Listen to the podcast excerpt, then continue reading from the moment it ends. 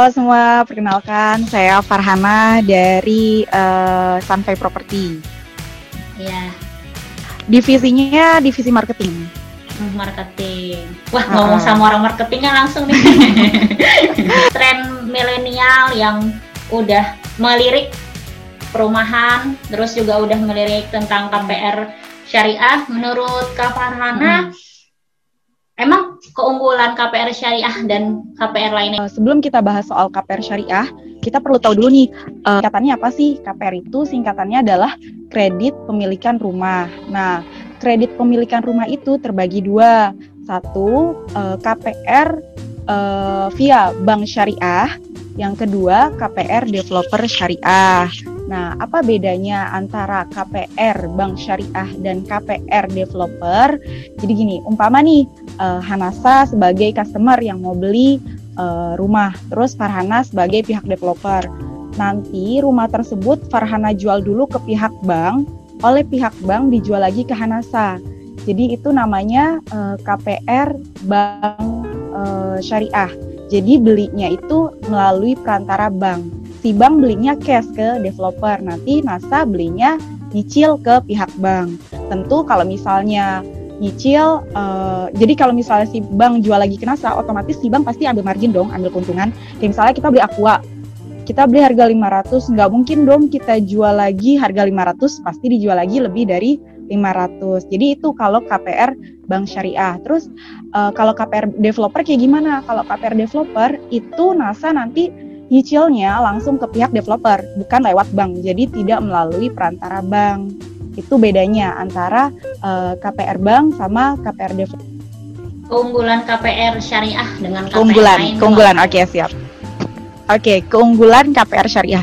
Jadi kan tadi KPR syariah ada dua ya, KPR bank sama KPR uh, developer. Tadi kalau KPR Bank via-nya via Bank Syariah, kalau KPR developer langsung ke developer.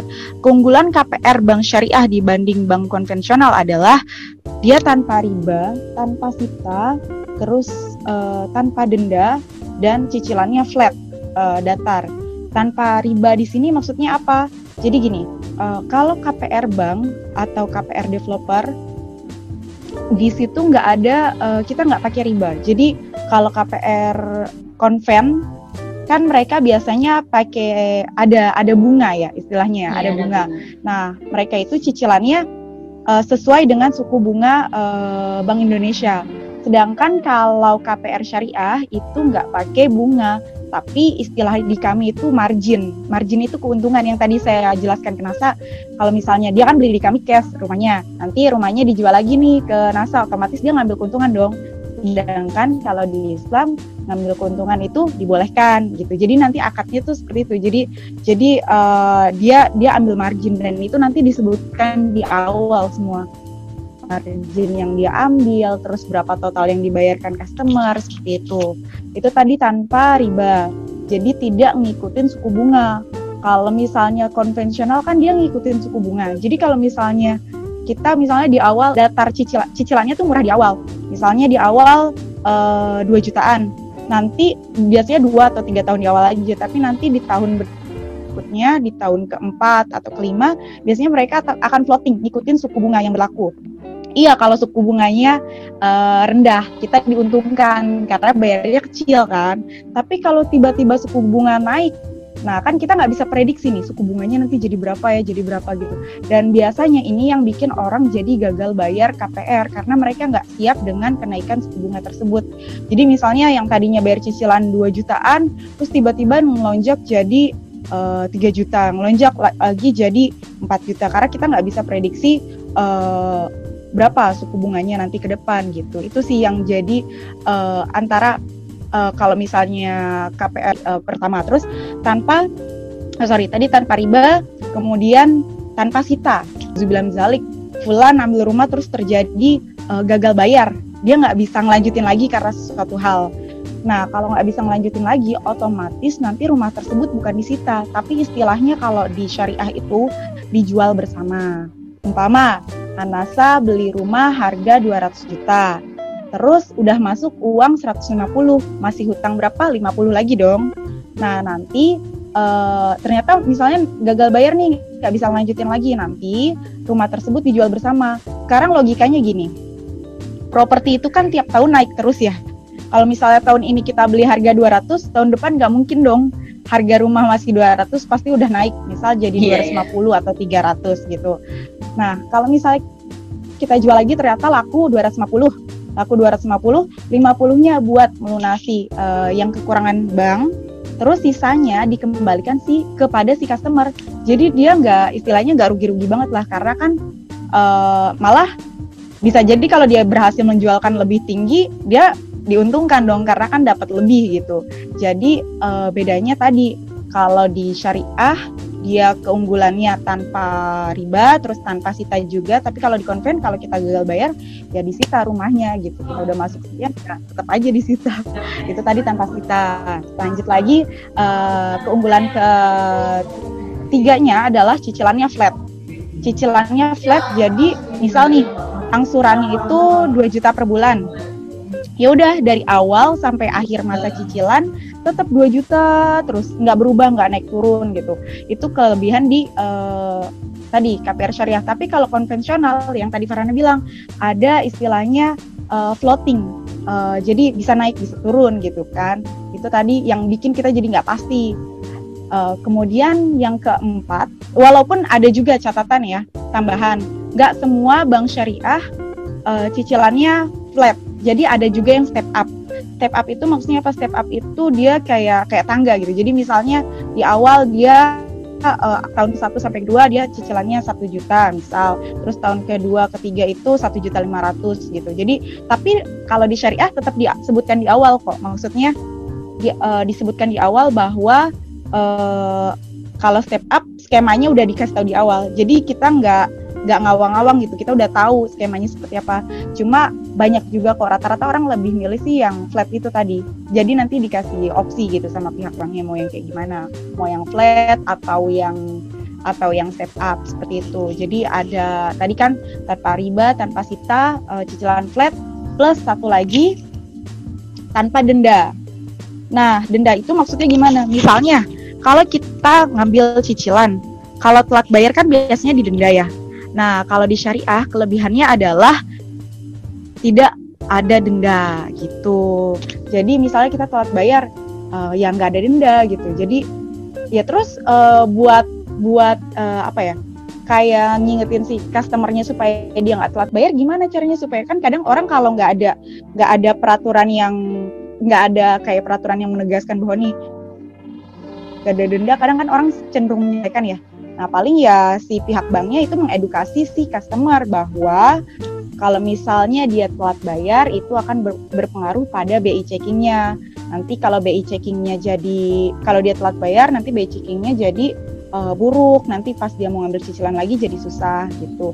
Walaupun ada juga beberapa uh, bank syariah yang masih mengenakan denda, tapi dendanya kecil. Nah, tapi denda itu uh, digunakan untuk ini uh, apa ya? Ikop. Jadi nanti untuk uangnya itu dipakai untuk kayak misalnya uh, pembangunan fasilitas umum atau jadi kayak semacam untuk masyarakat sih dendanya gitu. Jadi jadi buat bukan buat pribadi tapi untuk uh, pembangunan masyarakat. Tapi tapi itu tadi nggak semua. Jadi ada beberapa bank syariah yang memang tanpa denda, ada yang uh, dengan denda. Tapi pun kalaupun yang dengan denda itu paling kecil lah, nggak nggak gede gitu. Dan itu pun digunakan untuk pembangunan ke, maksudnya untuk kayak apa ya untuk ya pembangunan tadi pembangunan masyarakat tadi. Paling itu sih tadi tanpa riba tanpa sita tanpa denda cicilan flat. Itu kalau uh, ya ini ya uh, sebab kenapa generasi milenial itu direkomendasikan untuk uh, memulai gitu. Uh, membeli perumahan melalui KPR syariah. Dan sebenarnya uh, jenis-jenis perumahan yang ada di Sampai Property itu apa aja? Uh, yang dilirik customer itu uh, yang mana aja tuh? Yang paling mungkin jadi hmm. best seller gitu. Oke, okay. oke okay, untuk jenis-jenisnya ya. Kalau hmm. jenis-jenis perumahan kan macam-macam ya, tergantung tipe. Jadi ada namanya luas bangun sama luas tanah.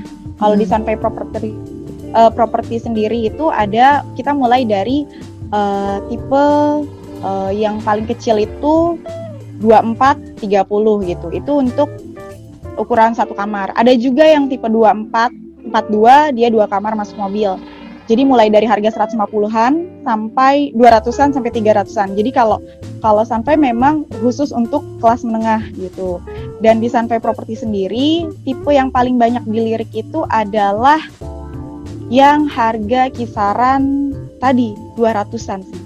200-an. Yang cicilannya 200-an, 300-an juga masih banyak. Karena uh, biasanya yang cari itu kan yang keluarga-keluarga, maksudnya yang baru menikah gitu atau ada juga sih beberapa yang belum nikah udah mulai beli rumah juga gitu. Jadi Bocoran mulai dari ya. tipe 24 42 24 42 ada dua paling kecil 2430 terus ada 2442 ada juga tipe 3060 3170 juga ada Tuh, tergantung tergantung si uh, customernya dia mau cari yang sesuaikan aja dengan kebutuhannya mau yang uh, minimalis atau yang lebih gede lagi tanahnya tinggal disesuaikan dengan budget dan kebutuhan aja. Hmm, iya ya. Iya, uh, Far. Karena ini kita spesial dari Women United ya, uh, pastinya akan membahas hmm. soal perempuan dong. Nah, perlu nggak sih sebenarnya perempuan hmm. itu bermimpi untuk membeli rumah? Toh uh, nanti kan di masa depan dia akan insya Allah akan mempunyai suami, akan mempunyai keluarga. Apakah dia perlu bermimpi gitu untuk punya rumah tipe ini, tipe itu? Menurut Farhana sendiri gimana? perlu banget, perlu banget buat uh, para perempuan. Kita dari muda ya harus mulai berpikir bahwa kita harus punya aset sendiri gitu. Jadi bukan berarti kita intinya gini, uh, walaupun nanti kita akan ditanggung oleh maksudnya misal suami dan lain sebagainya gitu, tapi kita tetap harus uh, berpikir ke depan gitu. Jadi kita harus punya aset sendiri, terus juga kita harus punya, maksudnya kita harus menginvestasikan uang kita ke uh, aset-aset yang nilainya akan terus bertambah. Dan itu buat buat kita lagi sih balik lagi. Kan nanti kalau misalnya kita punya rumah kalaupun nanti kita dapat rumah lagi dari suami itu kan bisa dikontrakin dikontrakin kita bisa dapat pemasukan lagi dan buat pemasukan tambahan. Terus juga dan banyak banget uh, Farana temu banyak perempuan-perempuan muda kayak usia 25 terus 23 yang udah mulai cari-cari rumah dari sekarang karena mereka berpikirnya jangka panjang. Kalau mereka daripada uang dipakai untuk uh, dihambur-hamburkan sesuatu yang kurang penting mendingan mereka tabung terus buat nyicil rumah gitu kan. Mumpung masih muda mumpung masih ada kesempatan plus uh, itu bisa jadi aset di masa depan kita juga. Toh kalau misalnya kita punya aset terus uh, kalau misalnya kita kontrakin dan lain sebagainya kan bisa kita pakai untuk kebutuhan kita juga nambah-nambah pemasukan plus bisa juga untuk kita sedekahkan juga kan kan lumayan gitu pemasukannya. Gitu. jadi kita harus banget uh, punya aset pribadi gitu. Jadi jangan bergantung pada uh, orang lain. Terus juga satu lagi kan untuk ya waspada aja ya nauzubillah zalik misal nih terjadi sesuatu hal uh, sama umpama uh, dia ada suami terus suaminya terjadi sesuatu hal yang mengakibatkan dia kehilangan sumber nafkah dia. Kalau dia punya aset kan ya minimal bisa dia kontrakin dia jadi ada pemasukan juga. Jadi intinya perempuan itu harus uh, apa ya?